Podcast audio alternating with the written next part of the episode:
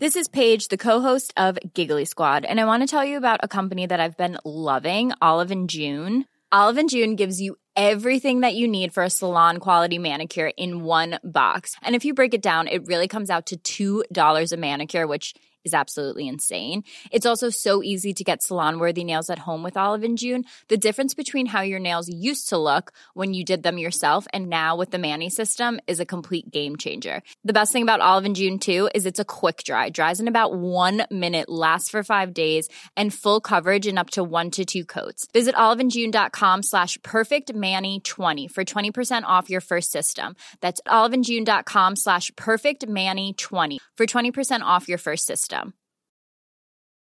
I'm Sandra, and I'm just the professional your small business was looking for. But you didn't hire me because you didn't use LinkedIn jobs. LinkedIn has professionals you can't find anywhere else, including those who aren't actively looking for a new job but might be open to the perfect role, like me. In a given month, over 70% of LinkedIn users don't visit other leading job sites. So if you're not looking on LinkedIn, you'll miss out on great candidates like Sandra. Start hiring professionals like a professional. Post your free job on linkedin.com/people slash people today. It's that time of the year. Your vacation is coming up. You can already hear the beach waves, feel the warm breeze, relax, and think about work. You really, really want it all to work out while you're away. Monday.com gives you and the team that peace of mind. When all work is on one platform and everyone's in sync, things just flow wherever you are. Tap the banner to go to Monday.com.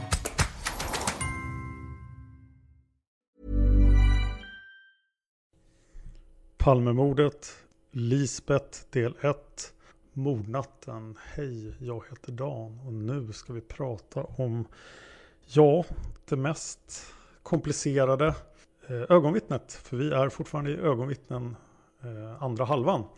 Vi kommer att prata mycket om Lisbeth. Det kommer bli många avsnitt och och eh, i det här avsnittet ska vi hålla oss på mordkvällen. Jag kommer att utgå i Lisbeth-avsnitten från de olika förhören som har hållits med Lisbeth och det är ganska många. Jag kommer att försöka undvika konspirationsteorier som rör Lisbeth och så vidare. Lisbeth Palme fick sin man mördad på Sveavägen och det måste ha varit en fruktansvärt traumatisk upplevelse. Men vi kommer nog titta på förhören och se hur, hur hennes bild av vad som hände i hörnet Sveavägen Tunnelgatan kom att ändras med årens gång. Lisbeth kommer att hävda då, om vi, vi tar oss till ögonblicken, ögonblicken före skotten.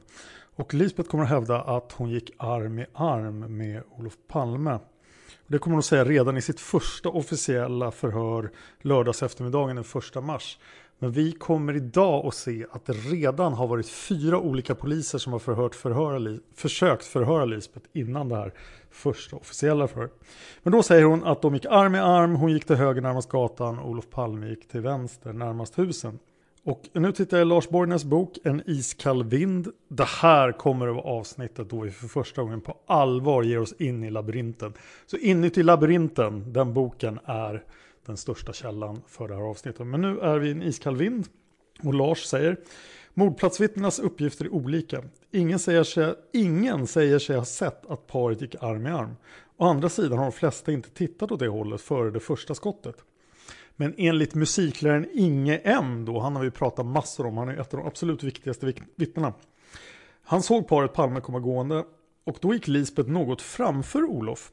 Inge M beskriver det, detta är det andra förhöret från den 14 mars, som att så kommer det två personer varav den ena går något före och som jag uppfattade det så var det en kvinna.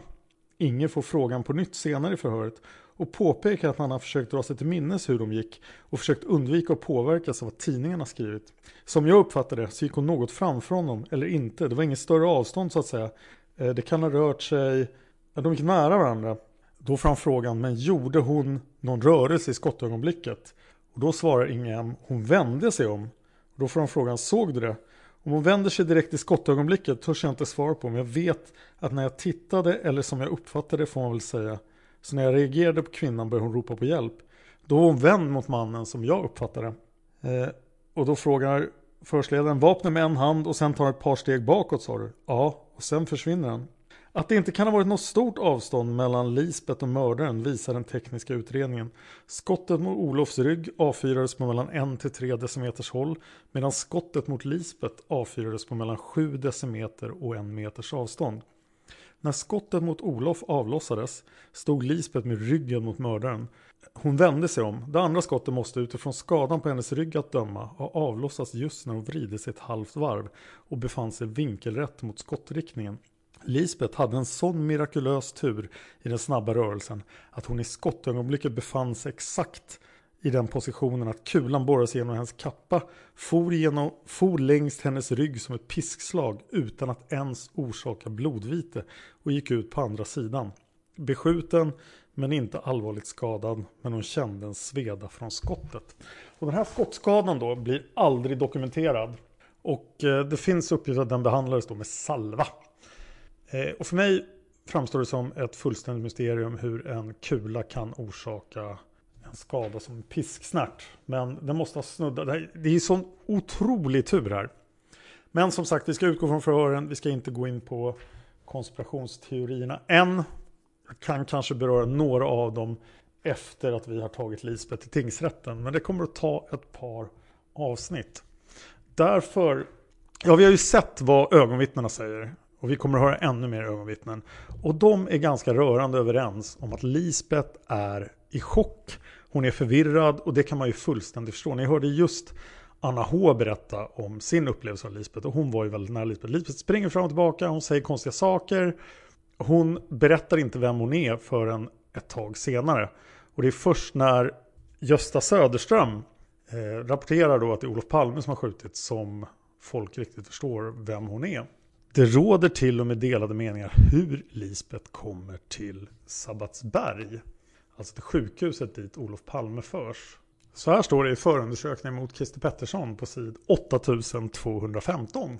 På brottsplatsen gav sig fru Lisbeth Palme till känna för polismännen och det var poliskommissarie Gösta Söderström och polisinspektör Kjell Östling med flera. Och det blev snabbt klart att mordoffret var hennes make, statsminister Olof Palme. Ambulans hade larmats till platsen vid omkring klockan 23.24 från Sabbatsbergs sjukhus. Men en annan ambulans hade samtidigt stoppats på Sveavägen och fanns på plats. Men med den sistnämnda ambulansen fördes Olof Palme till Sabbatsbergs sjukhus. Och lite senare, fru Lisbeth Palme medföljde i ambulansen till Sabbatsbergs sjukhus. Ni har precis hört ett ögonvittne säga att eh, Lisbeth inte fick följa med i ambulansen. Och som sagt, det finns långa, långa utläggningar om hur Lisbeth tar sig till Sabbatsberg, vad som händer på Sabbatsberg, vilka som är på Sabbatsberg. Allt det där kommer jag inte att fokusera på här för att vi måste prata om det vi verkligen vet. Men vi kanske får anledning att återkomma till det senare. Den berömda kontroversen om kappan kan jag kanske inte låta bli, men först ska vi till tingsrätten. Och som jag sa, det första officiella förhöret hålls nästa dag, den första mars. Men nu ska vi följa alla de poliser som försöker förhöra Lisbeth under mordnatten. Och innan vi gör det så måste jag nämna att eh, ni vet ju den stora granskningskommissionen som kom ut 1999. Innan dess var det två andra kommissioner som utredde vad som hade hänt eh, och utredningen. Och det, de brukar kallas för juristkommissionen och parlamentarikerkommissionen. Och jag kommer att referera till dem i det här avsnittet. Och den första av poliserna vi ska prata om är kommissarie Åke Rimborn. Åke Rimborn är inte alls tillhörande Norrmalm. Utan han uppger i ett förhör från den 14 juli 1986 att han befinner sig i ledningscentralen och jag antar då att det är i polishuset på Kungsholmen av en händelse klockan 23.23 .23 på mordkvällen.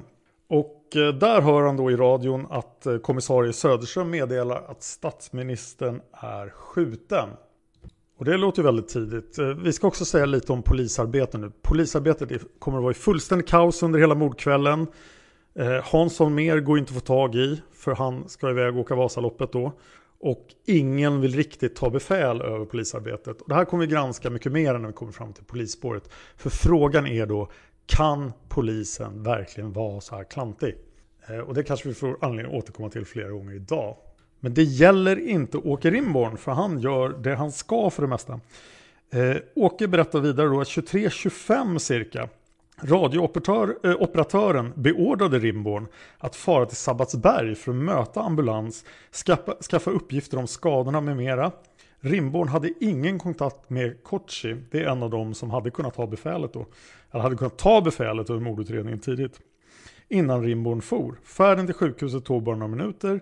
Rimborn kom strax efter ambulansen, båren hade just lastats av. Rimborn och hans kollega Torstensson var första poliserna på plats. Stämningen på akuten var förvirrad. Rimborn talade med en läkare, Claes Wallin. Denne kunde ej ge några besked, sa bara att man arbetade med patienten. Rimborn såg den skottskadade mannen. Han var så hårt skadad och nedblodad att Rimborn ej kunde identifiera honom. Eh, kände inte heller igen Lisbeth Palme först. Hon var svårt chockad och blodig. Rimborn fick dock klart för sig att det var Lisbeth Palme och hon bekräftade att offret var Olof. 23.40 cirka ringde ledningscentralen, begärde fyra bilar till platsen, två vardera för bevakning ute och inne, talade med Kochi, meddelade att det med allra största sannolikhet var Olof Palme, hade dock ej fått fram legitimation. Krimpersonal och tekniker kom också till sjukhuset. Lisbeth Palme ville inte tala med krimpersonalen, hon ville bara tala med en polis, nämligen Rimborn. Eh, Lisbeth Palme berättade för Rimborn om vem hon trodde stod bakom händelsen. Lisbeth Palme, nämnde Ustasha eller möjligtvis Mustafa. Hon var svårt chockad. Det var besvärligt att tala med henne. Strax efter klockan 24. Rimborn ringde ledningscentralen. Identiteten på offret klar. Olof Palme hade förklarats död. Ledningscentralen begärde att Rimborn skulle komma dit. Sjukhuset då avspärrat av polis. Rimborn for ensam till ledningscentralen, lämnade kvar Torstensson för bevakning. I ledningscentralen fanns bland annat Sven-Åke Hjelmroth, Gösta Welander, Hans Ylander, Werner Berggren och Kotschi. Jag ska inte gå in på vilka alla är här, men alltså, det ni ska veta är att Welander är den som är biträdande länspolismästare och alltså den som borde ha befälet här. Han kommer även att göra Hans Holmers jobb som länspolismästare när Hans Holmer är upptagen som spaningsledare. Och överlag var Hans Holmers trogne andre man. Just då ringde ledningscentralen efter någon, troligtvis Kurt Nilsson. Rimborn rapporterade Lisbeth Palmes uppgifter direkt till Hjälmroth. Sven-Åke Hjälmroth är alltså chef för Säpo och är då på ledningscentralen. Eh, och ytterligare en person från SÄK som Rimborn ej vet namnet på. De tre gick in i ett särskilt rum. Klockan 01.00 till 01.15 Torstensson då, chauffören som Rimborn hade lämnat kvar på Sabbatsberg. Han ringer från Sabbatsberg och meddelar att Lisbeth vill tala med Rimborn igen. Rimborn far till sjukhuset. Lisbeth Palme vill tala med Rimborn om signalementet på några män som hon hade sett utanför bostaden tidigare. Lisbeth Palme var mera samlad, barnen var närvarande. Lisbeth ville också att en bil skulle fara till bostaden och hämta telefonnummer till en som var i Frankrike. Regeringsledamöter, bland annat Fält, Ingvar Carlsson och Anita Gradin, kom medan Rimborn talade med Lisbeth. Rimborn lämnade då rummet. Gösta Welander kom, han och Ingvar Carlsson gick in till Lisbeth. Eh, Gösta Welander är en av de här fyra poliserna som kommer att prata med Lisbeth. Men vad som sades mellan Velander och Lisbeth är fortfarande under förundersökningssekretess. Har inte förekommit i åtalet mot Christer Pettersson och är fullständigt okänt. Så återstår tre poliser då som vi kan få reda på vad de sa, vad Lisbeth sa till dem under kvällen. Någonstans under de här timmarna så skickar krimjouren två poliser som heter Sture Lingsberg och Agneta Lund. Eh, men Lisbeth vägrar prata med dem och hävdar att hon redan har sagt allting hon vet till Rimborn. Lisbeth hävdar alltså att hon är så fullständigt förhörd av Rimborn här att hon inte har några ytterligare uppgifter alls att lämna till krimjouren. Så Lingsberg och Agneta Lund, de blir också, eller de, de får inte veta någonting av Lisbeth här på kvällen. Det framgår inte varför Lisbeth får det här stora förtroendet för Åke Rimborn, som alltså är en vanlig kriminalkommissarie från södra Stockholm. Eh, formellt var alltså, nu läser jag från eh, inuti labyrinten, Formellt sett var det inte Rimborns uppgift att höra henne.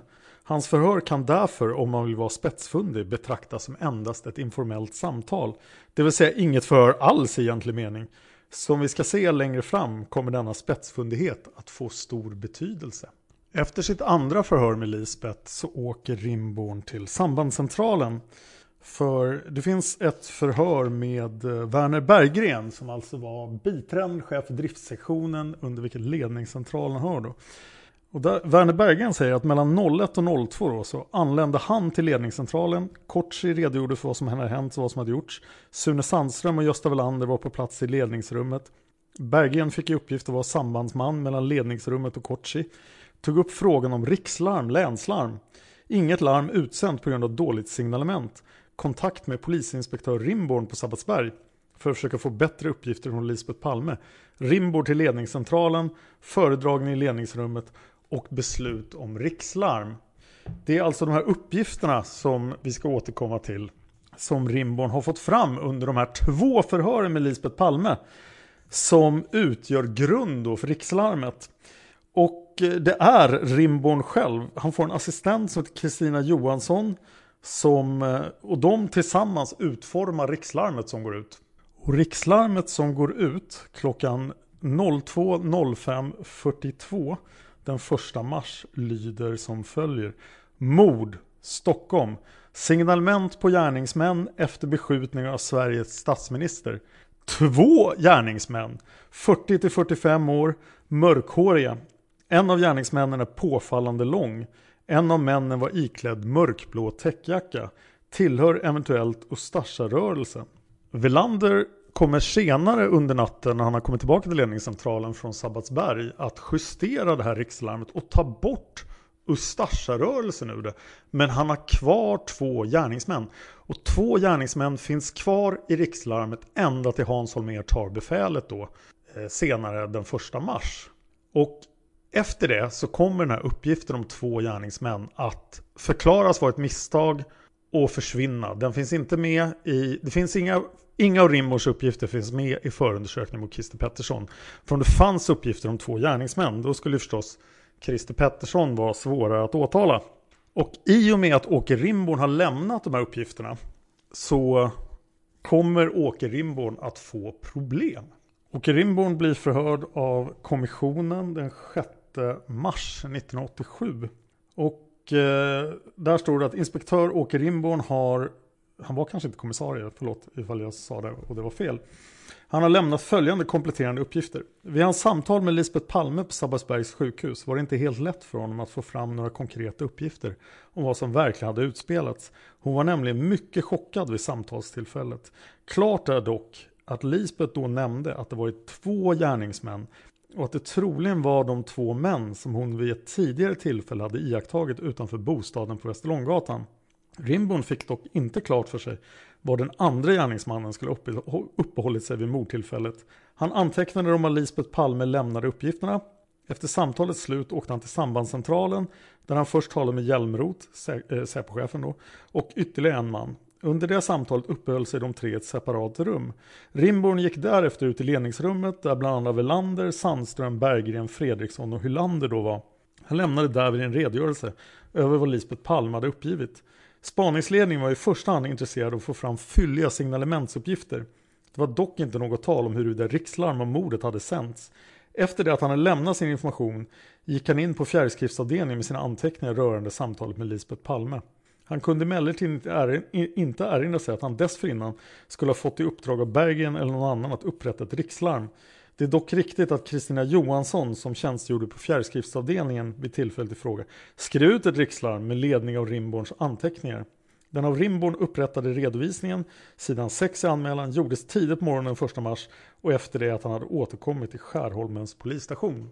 Och det här ledde ju då till kontroverser. Rimborn var inte jättepigg på att prata med pressen, men tidningen Arbetet i Malmö lyckades få Rimborn att tala och eh, publicerade, möjligtvis mot Rimborns vilja, söndagen den 8 maj en artikel på en helsida där det stod Lisbeth kände igen makens mördare. Och sen i texten kan man läsa Lisbeth Palme pekade ut mördarna som de två män hon tidigare stått sett och spana på bostaden vid Västerlånggatan. Den som säger detta är kommissarie Åke Rimborn. Och kan vara kommissarie. Det här är alltså 1988 då. Och i Eh, nyheten förstärktes av att Rimborn i samtalet med Rodelius på ett övertygande sätt hade argumenterat för sin sak. Rodelius var då journalisten på Arbetet i Malmö. Eh, jag läser från Inuti labyrinten. Rimborn, jag tror fortfarande att uppgifterna i det larmet, det vill säga rikslarmet, var riktiga. De grundar sig helt på vad Lisbeth Palme hade sagt till mig. Och det en människa säger direkt i ett chockögonblick är oftast det riktiga. Rodelius frågar, du tror alltså fortfarande att det första rikslarmet var riktigt? Rimborn svarar, ja det gör jag. I sitt chocktillstånd sa Lisbeth Palme i förhören på Sabbatsberg att hon sett två gärningsmän att hon kände igen dem som de två som före mordet stått mitt emot bostaden och burit sig underligt åt och att hon förknippade dem med Ustasja. Rodelius frågar, hon tvekade inte eller var osäker i sina uppgifter? Och Rimbor svarar nej, hon var inte tveksam. Det enda var att hon knappt ville nämna Ustasja, men hon sa det i alla fall. Rimborn berättade också att han hade kvar sina originalanteckningar från mordnatten, så han var säker på att han beskrev händelserna korrekt. Han ville dock inte lämna ut anteckningarna till pressen. Förmodligen skulle artikeln i Arbetet ha passerat obemärkt förbi som artiklar om Palmemordet i landspressen ofta gjorde. Om inte kvällstidningarna i Stockholm snabbt hakat på. Aftonbladet hade historien på löpsedeln samma dag. Tidningens reporter Bengt Michanek hade natten innan åkt till Skärholmens polisstation där Rimborn jobbade och talat med honom mellan fyra ögon. Rodelius samtal var per telefon. För Michanek bekräftade Rimborn det han berättat för Rodelius. Åke Rimborn. Jag träffade omedelbart Lisbeth Palme på sjukhuset. Hon var naturligtvis i ett svårt chocktillstånd, men hon tvekade inte när hon berättade om vad hon hade hunnit se. Hon lämnade signalement, signalementet till mig på de två män hon sett. Hon sa också att hon kände igen dem sedan tidigare. Jag minns inte idag om hon sa att hon sett dem en eller flera gånger tidigare. Men hon var säker på att hon hade sett dem vid jultiden utanför paret Palmes bostad på Västerlånggatan i Gamla stan där de burit sig underligt åt. Hon uppgav också att hon trodde att de tillhörde Ustasja. Michanek frågar, nämnde hon Ustasja flera gånger? Rimborg svarar minst två gånger. Michanek, kommer du ihåg några exakta ord från Lisbeth Palme? Rimborn, ja, exempelvis. De som gjorde det här var de som var i Gamla stan. Och en av dem var den som sköt. För Michanek uppgav Rimborn också att han hade fått samma uppgifter båda gångerna han hade pratat med Lisbeth. Samma dag hade Expressen en helsida med rubriken Lisbeth Palme såg två mördare. Tisdagen den 10 maj då, 1988 kom reaktionen från myndigheterna.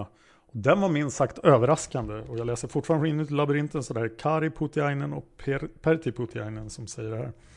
Det var minst sagt överraskande. Polisen och åklagarna dementerade nämligen allting. Polisen i Palmeutredningen, Lisbeth Palme, såg bara en gärningsman. Och nu tar inuti labyrinten fart så jag måste läsa det här. Det var förre åklagaren, numera DN-journalisten Gun Fält som agerade budbärare.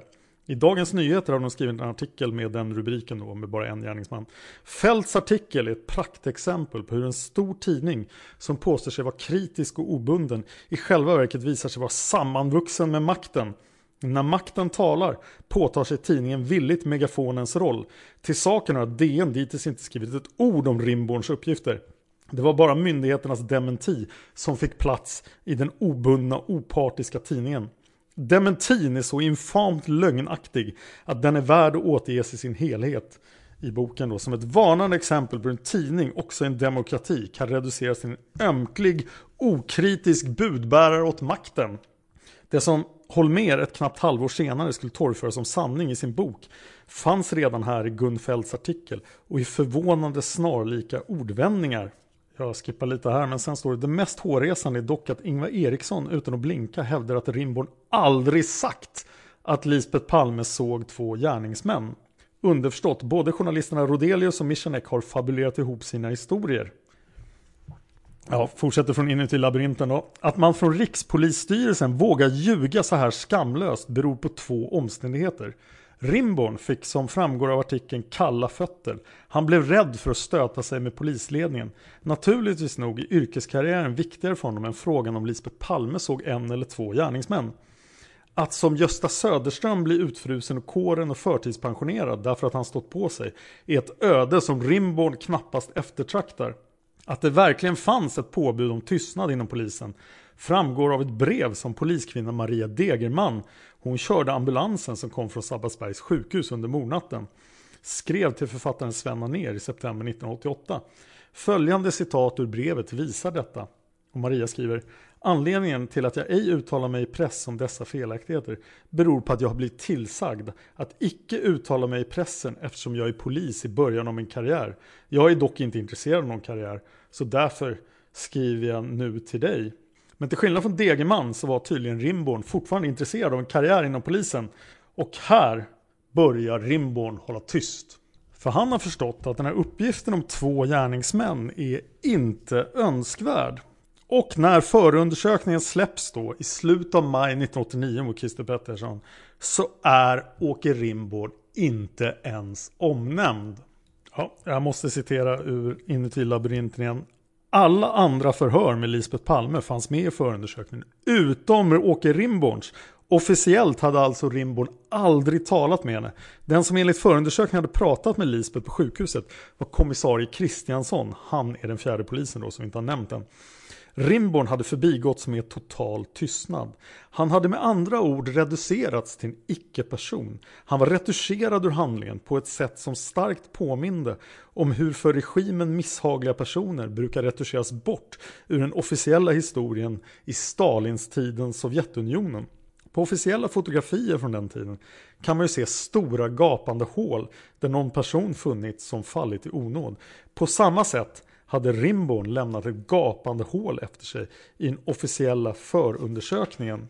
Och bröderna Putiainen, författarna till Inuti labyrinten, blev så upprörda som tog kontakt med Christer Petterssons försvarsadvokat Arne Liljeros då försökte få honom att hävda det här. Och eh, vi kommer att märka i förhören för tingsrätten att Liljeros är inne på det här. Man vågar inte riktigt ta upp det här. Han vågar inte nämna Rimborn.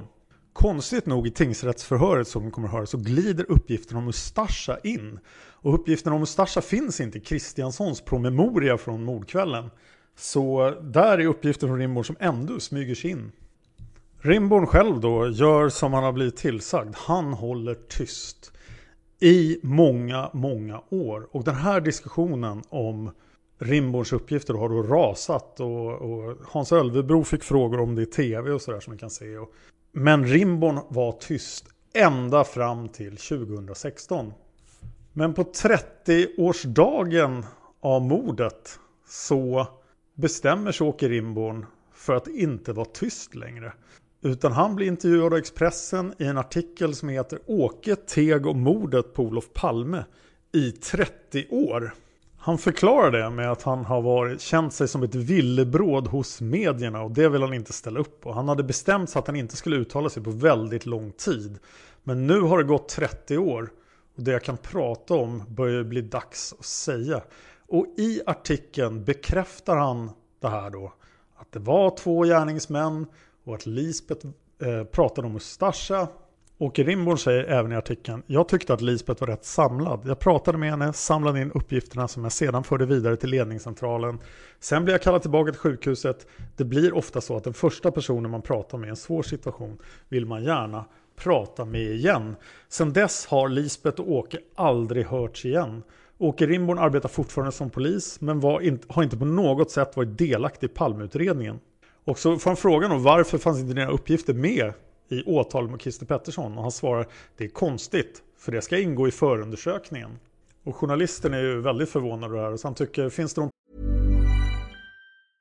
Ready to pop the question? The jewelers at BlueNile.com have got sparkle down to a science with beautiful lab-grown diamonds worthy of your most brilliant moments. Their lab grown diamonds are independently graded and guaranteed identical to natural diamonds, and they're ready to ship to your door. Go to Bluenile.com and use promo code LISTEN to get $50 off your purchase of $500 or more. That's code LISTEN at Bluenile.com for $50 off. Bluenile.com code LISTEN. If you thought the only way to get a more defined jawline with natural looking results was through surgery, think again. Juvederm Volux XC is a non surgical injectable gel filler that improves moderate to severe loss of jawline definition and can help you achieve natural looking results with little downtime. Even better, this improved definition lasts up to one year with optimal treatment. No maintenance required. Improve jawline definition for a smooth, sculpted look with Juvederm Volux XC. For important safety information and to find a licensed specialist, visit juvederm.com. That's J U V E D E R M.com. Not for people with severe allergic reactions, allergies to lidocaine, or the proteins used in Juvederm. Common side effects include injection site redness, swelling, pain, tenderness, firmness, lumps, bumps, bruising, discoloration, or itching. There's a risk of unintentional injection into a blood vessel, which can cause vision abnormalities, blindness, stroke, temporary scabs, or scarring. Talk to a licensed specialist to find out if it's right for you.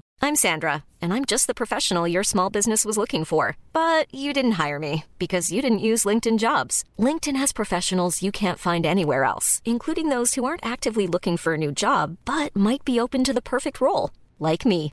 In a given month, over 70% of LinkedIn users don't visit other leading job sites. So if you're not looking on LinkedIn, you'll miss out on great candidates like Sandra. Start hiring professionals like a professional. Post your free job on linkedin.com slash people today. Tvekan hos dig att du uppfattar fel? Åke svarar.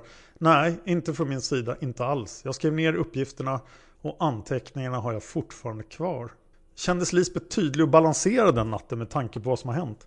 Visst var fru Palme chockad och ledsen, men uppgifterna jag fick var konkreta. Du har arbetat länge som polis. Hur ser du på uppgifterna som lämnas i ett tidigt skede efter sådana här händelser? Åke svarar, jag tycker att de uppgifterna är viktiga. En person som är chockad och skärrad brukar ofta säga det som de har upplevt precis för stunden. De hinner inte fundera ut något annat. Och då undrar man ju om det var två gärningsmän, var är den andra gärningsmannen? Och eh, han dyker upp i tingsrätten förhöret. Och ni kommer att se att den här den här mannen står, och Lisbeth är jättedålig på att bedöma avstånd och erkänner det. Men den här mannen står kanske 30 meter norrut på Sveavägen. Och han är inte identifierad. Det är dessutom intressant att konstatera att det är ju ingen som är där av vittnena. Så att den här mannen skulle kunna stå där en bit bort och eh, vara obemärkt. Han är alltså bakom eh, Anders B. Så Anders B ser honom inte. Eh, och han är tillräckligt långt ifrån mordplatsen för att Inge M inte ska se honom. Eller Delsborn. Eh, ja, Skandiamannen ska vi prata tyst om. Han är lång och ljusklädd. Och det finns alltså, vad jag vet, inget annat ögonvittne som bekräftar honom. Det finns ett ögonvittne som ser en springande man som springer mot Kungsgatan från mordplatsen. Men eh, det stämmer ju illa då med att den här långe ljusklädde mannen skulle vara norrut, åt andra hållet. Men viktigt att påpeka då att det finns ingen identifierad person som passar in på den här beskrivningen. Och nu läser jag från inuti labyrinten igen. På brottsplatsen omedelbart efter skotten ser Lisbeth Palme två män. Den ena är förhållandevis lång och den andra kortare. Dessutom männen på brottsplatsen klädda på ungefär samma sätt som männen hon har sett utanför bostaden. Hon drar följaktligen den fullkomligt naturliga och logiska slutsatsen att det är samma två män hon har sett på båda platserna. Detta berättar hon för Rimborn och denne sätter sedan hennes välgrundade misstanke att det är dessa två som har förövat dådet på pränt i rikslarmet. I larmet fanns alltså fröet till vad som i inledningsskedet borde ha varit mordutredningens hetaste spår. Förutsatt att man tror att Lisbeth Palme gjort korrekta iakttagelser. Och det finns ju ingen från ansvarigt håll som någonsin har hävdat motsatsen. Men vad hände? Spåret avfärdades utan vidare. När Holmér strök uppgifterna om två gärningsmän så hade han alltså ännu inte själv pratat med Lisbeth Palme. Eh, bröderna Putiainen fortsätter.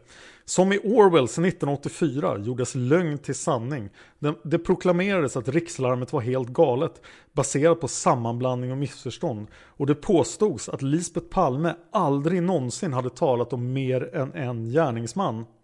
Exakt hur det här högintressanta spåret kommer manipuleras bort är delvis höllt i dunkel.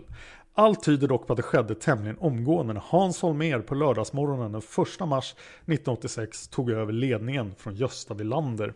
Vi erinrar oss att Velander, som hade talat med Lisbeth Palme under natten, inte funnit någon anledning att ändra uppgiften om två gärningsmän i rikslarmet. I en intervju med Expressen den 1988-05-08 poängterade han till och med vad gäller ändringar på denna punkt att det gjordes i varje fall inte så länge jag var där. Holmer tog över klockan 10.50 på förmiddagen och höll en presskonferens klockan 12. Han började denna presskonferens med att läsa en kommuniké från polisen. Han läste bland annat följande. Vi har ingenting mera konkret som pekar på att det skulle vara fler än en gärningsman. Men inte heller det kan vi naturligtvis utesluta. Här hade rikslarmet hela natten och morgonen gått ut med en beskrivning av två gärningsmän och ändå kunde Holmer utan att blinka sitta och säga att polisen inte hade någon konkret uppgift som tydde på att det var mer än en förövare. Han avfärdar alltså uppgiften i rikslarmet utan att ens ha talat med Lisbeth Palme. Uppgiften om två män hade under natten också förekommit i massmedia. Klockan 01.51 gick TT ut mot ett telegram, med ett telegram med följande ordalydelse. Strax före klockan två på natten gick polisen ut med ett nytt signalement. Man trodde då att det kunde vara två gärningsmän i 40-45 årsåldern. Även inom ekonyheter som Riksradion sänder varje hel timme under efternatten talas det om två gärningsmän. Vilka överväganden som låg bakom Holmers beslut att förbigå uppgiften om de två männen är det ingen som vet. Det är dock svårt att se hur fakta kan ha motiverat hans ställningstagande. Han kan ju knappast ha varit mer välinformerad i denna fråga än till exempel Velander. Det ironiska i sammanhanget är att uppgiften i rikslarmet om Ustasja som Velander tog bort klockan 05.06 på morgonen eh, därför att den saknade täckning togs på allvar av Holmer. Bara ett par dagar efter mordet begärde nämligen spaningsledningen telefonavlyssning av Täbyanstalten där Ustasja-mannen Miro B satt. När dåvarande Palmeåklagare KG Svensson avslog denna begäran med motivering att underlaget för misstankarna mot Miro B var för tunt för laglig avlyssning ingrep justitiedepartementet.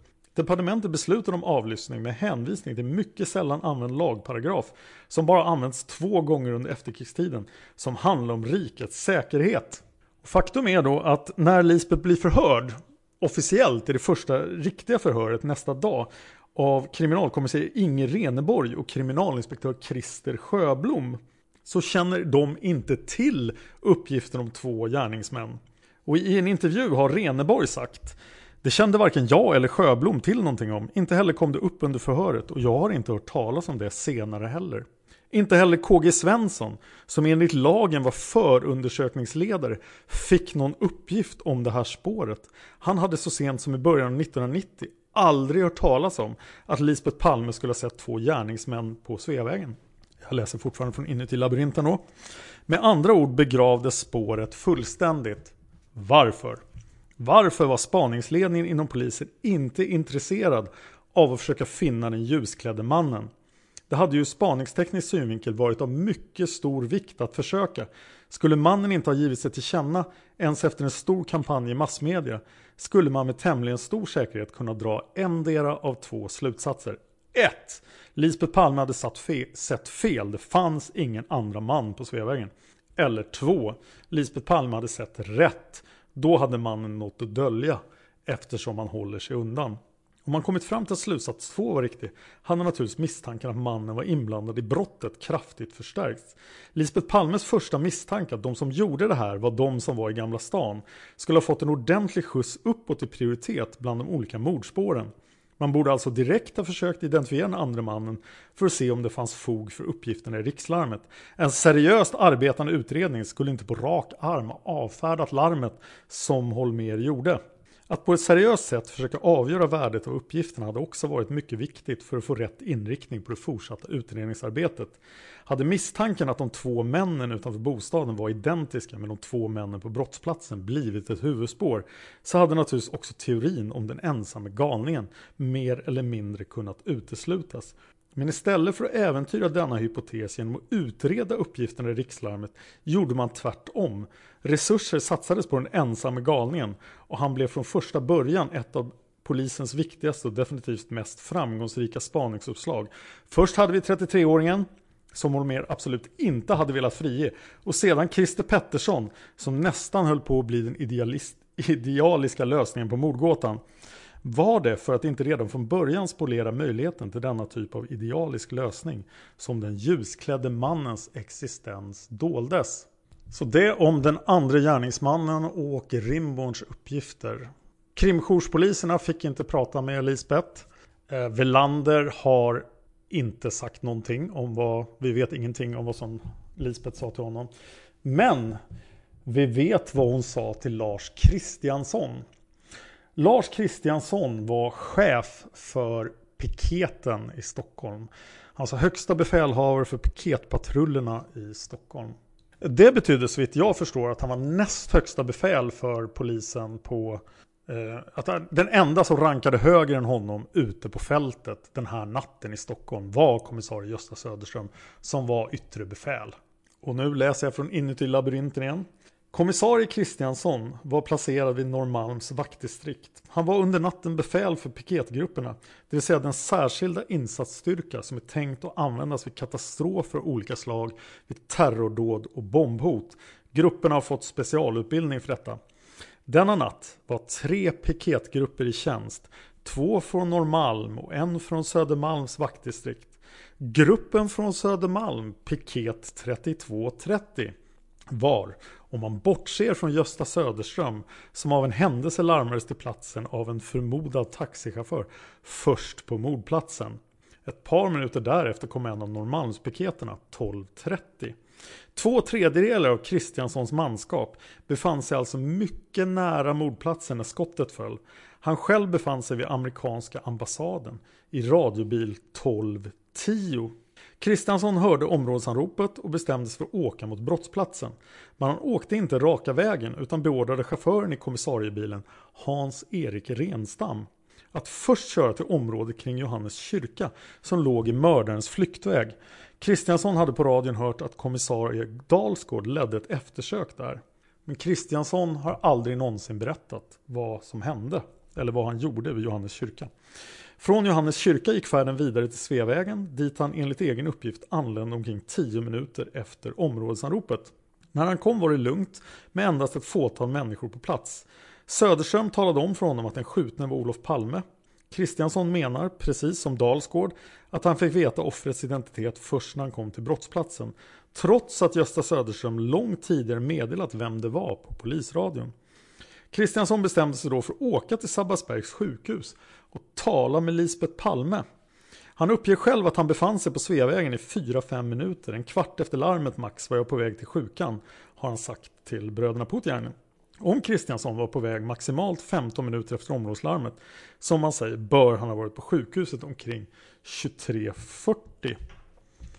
Eh, och det skulle då betyda att han fortfarande kommer till sjukhuset efter Åke Rimborn.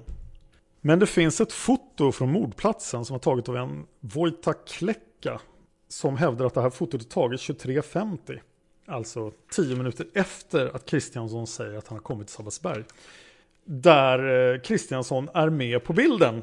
Vilket då är lite konstigt. Även Kristianssons chaufför då, Hans-Erik Renstam, är också med på den här bilden. Eh, bröderna Putiainen då, som skrev in till labyrinten, konfronterade Kristiansson med dessa uppgifter, men han blånekade och påstod att bilden måste ha tagen före 23.40 då, vilket bestrids av fotografen och omständigheterna på bilden. Där kan ni läsa in till labyrinten, sid 413. Kristiansson kommer också hävda att han var förste polis på sjukhuset. Vilket då är fullständigt orimligt. Det går liksom helt eh, i tvär med uppgifterna från Rimborn. Och nu blir det här så konstigt att jag måste läsa från inuti labyrinten igen. Och jag, jag, rekommenderar så varmt den här boken. Det här är nog min absoluta favoritbok om Palmemordet. För att man blir väldigt konfunderad av att läsa den här boken. Så, finns det något skäl för Kristiansson att ljuga om en så till synes trivial sak som vem som var först på sjukhuset? Ja, det gör det faktiskt, som vi nu ska se. Kristiansson inledde nämligen ett märkligt dubbelkommando på sjukhuset. Av någon anledning tog han inte kontakt med Åke Rimborn eller Torstensson, alltså Åke Rimborns chaufför, när han kom till Sabbatsberg. Torstensson har för juristkommissionen uppgivit att och det här är Torstensson då. I ett, tidigt, I ett tidigt skede fanns också kommissarie Kristiansson på sjukhuset. Men Torstensson vet inte vad Kristiansson gjorde där. Ja, vad gjorde han där egentligen? Det allt överskuggande målet för Kristiansson verkar ha varit att få prata med Lisbeth Palme. Han gick rakt på henne och detta beskrivs i kommissionens förhörsprotokoll när då en av kommissionerna förhör Kristiansson. Först av poliserna på sjukhuset, Kristiansson och kollegan som körde gick båda in. Kristiansson frågade efter Lisbeth Palme. Hon satt i en rum med en sköterska. Kristiansson fick tala med Lisbeth Palme. Efter tre korta samtal med Lisbeth lämnar Kristiansson sjukhuset omkring klockan 00.30. Han har varit där endast en dryg halvtimme. Och jämfört med Rimborn då som åkte fram och tillbaka och var där till klockan 03.00. Eh, detta understryker att det viktiga för Kristiansson var att höra Lisbeth Palme. Den övriga polisiära verksamheten på sjukhuset verkar Kristiansson ha ägnat ett ganska förstrött intresse trots att han var högsta befäl på plats så länge han var kvar. Som sagt tog han exempelvis inte kontakt med Åke Rimborn som var det näst högsta befälet. Det är faktiskt så att Kristianssons sjukhusbesök sker mer eller mindre i smyg. Rimborn verkar inte ens ha varit medveten om honom eftersom han överhuvudtaget inte nämner Kristiansson när han hörs av juristkommissionen. Kristiansson är så anonym att Rimborn tror att han själv är högsta befäl, vilket framgår av förhörsprotokollet. Rimborn var högsta polisbefäl på sjukhuset. Han såg det som sin uppgift att ordna bevakning där. Rimborn tog emot de poliser som kom och fördelade bevakningsuppgifterna.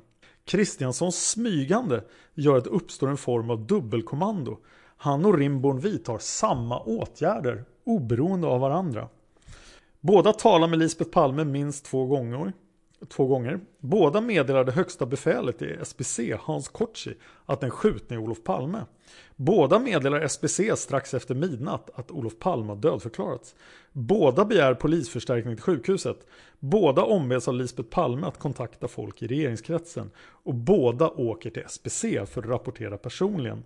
Skälet till att Kristiansson måste säga att han var först på sjukhuset är att han annars kan få svårigheter att förklara varför han inte tog kontakt med de poliser som redan fanns på plats. Det naturliga hade varit att samordna polisverksamheten, inte att driva ett eget fögderi i skymundan vid sidan om. När Kristiansson hörs av kommissionen framställer han det som att allt gick naturligt till. Kristiansson talade med Kortsi på nytt, meddelade att Olof Palme hade avlidit. Rimborn hade då kommit och var närvarande i rummet under samtalet. Det telefonsamtal som Kristiansson här nämner är hans tredje samtal med Kortsi sedan ankomsten till Sabbatsberg. Och han menar att först då hade Rimborn kommit. Det här ger intrycket av naturlig befälsavlösning eh, att en naturlig befälsavlösning var på gång. Underförstått, Kristiansson var klar med sitt självpåtagna uppdrag på sjukhuset, samtalen med Lisbeth Palme och i praktiken var han på väg därifrån när Rimborn anlände. Det är därför naturligt att denne tog över befälet. Kruxet är bara att det här går inte ihop med vad övriga inblandade uppger. Till exempel säger Rimbo när han hörs av kommissionen att han vid ungefär samma tidpunkt, strax efter klockan 24, ringde ledningscentralen och meddelade att Olof Palme hade dödförklarats. Varför behövde han göra det? Han var ju enligt Kristiansson närvarande i rummet när Kristiansson ringde Kortsi och meddelade att Palme hade avlidit. Som vi påpekat ovan säger Rimborn inget om att han skulle ha sett till Kristiansson Kotschi säger heller inget om att han skulle prata med Kristiansson utan han säger uttryckligen att det var Rimborn som ringde och meddelade att Olof Palme hade dödförklarats. När Kristiansson pumpat Lisbeth på så mycket information han bedömer att han kan bestämmer han sig för att åka till sambandscentralen cirka klockan 00.30 för att rapportera. Men vad som händer efter detta beslut att åka till sambandscentralen är det ingen som vet. Det har inte Kristiansson berättat, varken i ett PM han skrev den 24 mars eller för juristkommissionen. Han berättar inte ens till vem eller vad han rapporterar. Dessutom verkar hans rapportering ha gått helt spårlöst förbi. Mindre än en halvtimme efter det att Kristiansson åkt från Sabbatsberg kallas nämligen Rimborn Kristiansson åkte på eget bevåg till SBC för att meddela vad Lisbeth Palme sagt. Sen utformas rikslarmet helt och hållet på basis av Rimborns uppgifter. Så vi vet inte vem Kristiansson rapporterade till. Eh, Inuti labyrinten fortsätter. Det märkliga är att ingen verkar veta. Vi har frågat Werner Berggren som för kommissionen uppger att Rimborn kallades på hans initiativ. Berggren är numera chef för ledningscentralen. Och det här är då bröderna Putiainen som frågar Werner Berggren. Det är en sak som jag undrat över här. Det är att det finns ytterligare en kommissarie som var på Sabbatsbergs sjukhus. Som heter Lars Kristiansson då på bonatten. Och han pratade med Lisbeth han också. Han säger i de här förhören med kommissionen att efter det att han pratar med Lisbeth så åker han upp till sambandscentralen. Enligt det här sker det 00.30.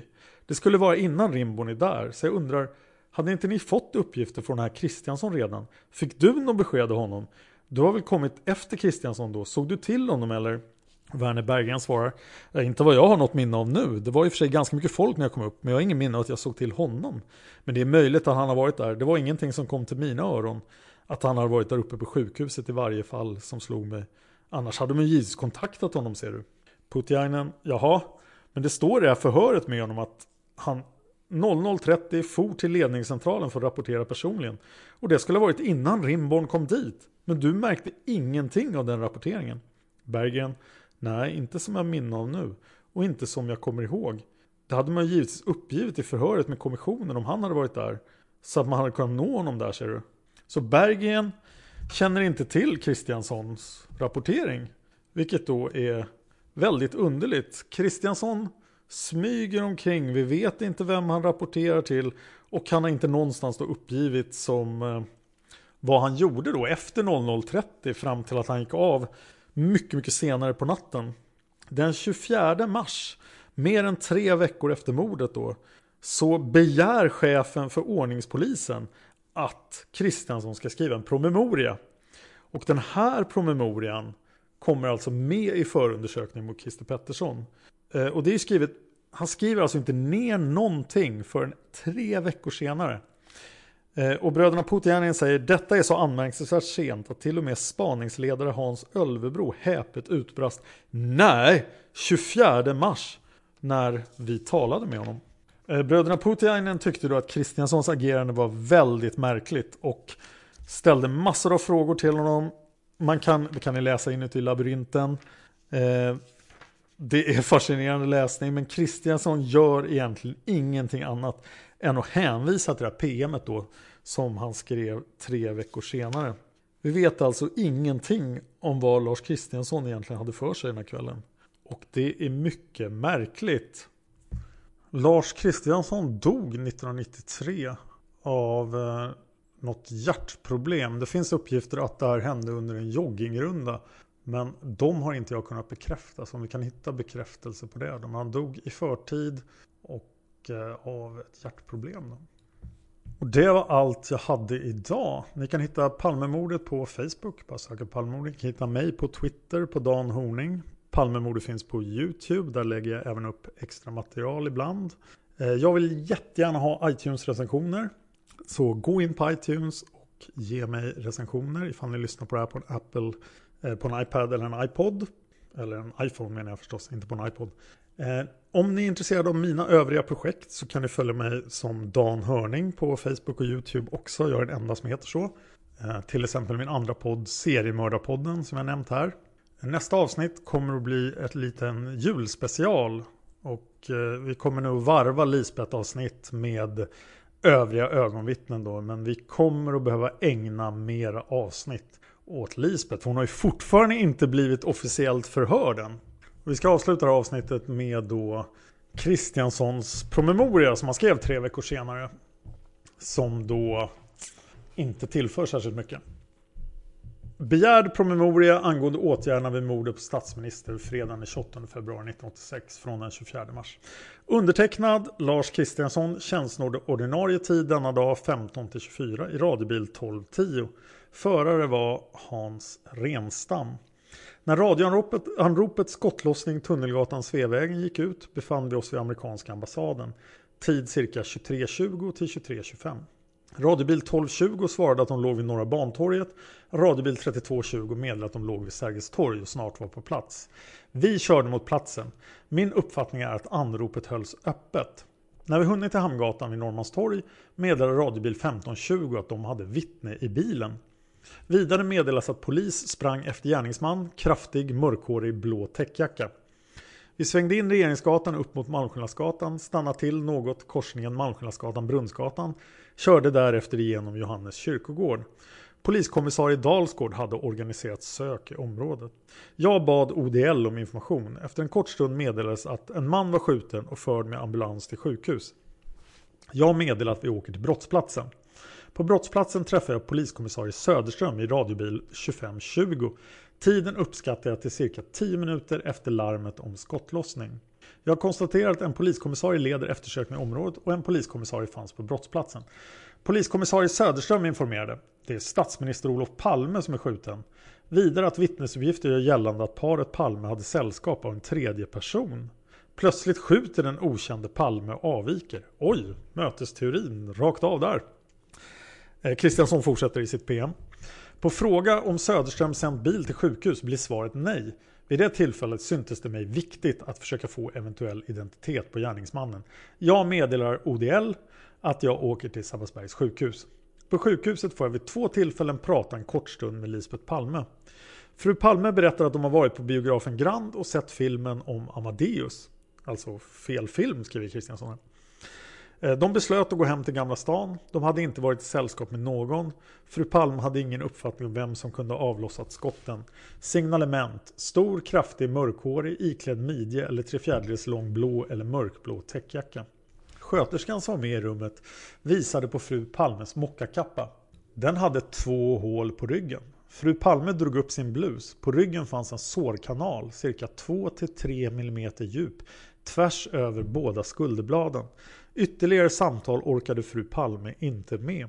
Eh, Poliskommissarie Koci ODL kontaktades per telefon. Jag bekräftade att det var statsministern som hade skjutits, att tillståndet var kritiskt. Vidare de uppgifter fru Palme berättat. Att även fru Palme skottskadats lindrigt. Jag begärde kriminaltekniker till sjukhuset. Vid andra samtal med fru Palme önskade hon att Ingvar Carlsson och Kjell Lindström informerades. Försök gjordes med att få ytterligare information om hur de gått, eventuell kulbana och bättre signalement. Fru Palme var mycket chockad och kunde inte för stunden lämna fler upplysningar. Kortsi ODL informerades om fru Palmes önskan om underrättandet. Klockan 24.00 kom två läkare ut ur operationsrummet. Den ene meddelade att Olof Palme avlidit. Jag försökte få teknisk information av läkarna. De var mycket upprörda över händelsen och hänvisade mig till klinikchefen. Jag lät frågan bero. Eh, Poliskommissarie Kotschi ODL meddelades per telefon några minuter efter midnatt att statsministern avlidit av skadorna. Jag begärde fyra polismän till sjukhuset för bevakning. Två för bevakning av akutintaget och två utanför. Cirka klockan 00.30 lämnade jag sjukhuset för att åka upp till ODL. Jag kallades tillbaka till sjukhuset. Anledningen var att fru Palme önskade få bekräftelse att Ingvar Carlsson och Kjell Lindström var underrättade.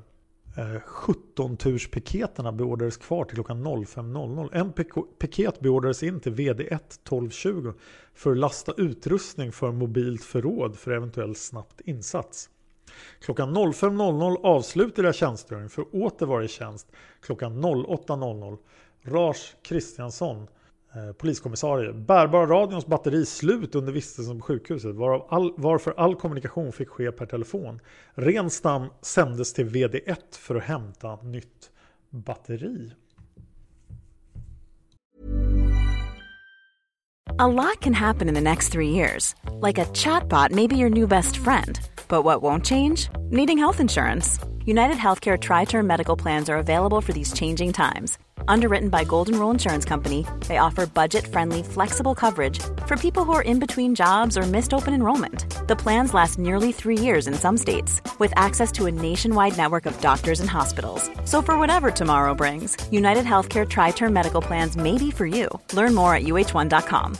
Hi, I'm Daniel, founder of Pretty Litter. Cats and cat owners deserve better than any old fashioned litter. That's why I teamed up with scientists and veterinarians to create Pretty Litter. Its innovative crystal formula has superior odor control and weighs up to 80% less than clay litter. Pretty Litter even monitors health by changing colors to help detect early signs of potential illness. It's the world's smartest kitty litter. Go to prettylitter.com and use code ACAST for 20% off your first order and a free cat toy. Terms and conditions apply. See site for details. Planning for your next trip? Elevate your travel style with Quince. Quince has all the jet setting essentials you'll want for your next getaway, like European linen, premium luggage options, buttery soft Italian leather bags, and so much more. And is all priced at 50 to 80% less than similar brands. Plus, Quince only works with factories that use safe and ethical manufacturing practices. Pack your bags with high-quality essentials you'll be wearing for vacations to come with Quince. Go to quince.com/pack for free shipping and 365-day returns.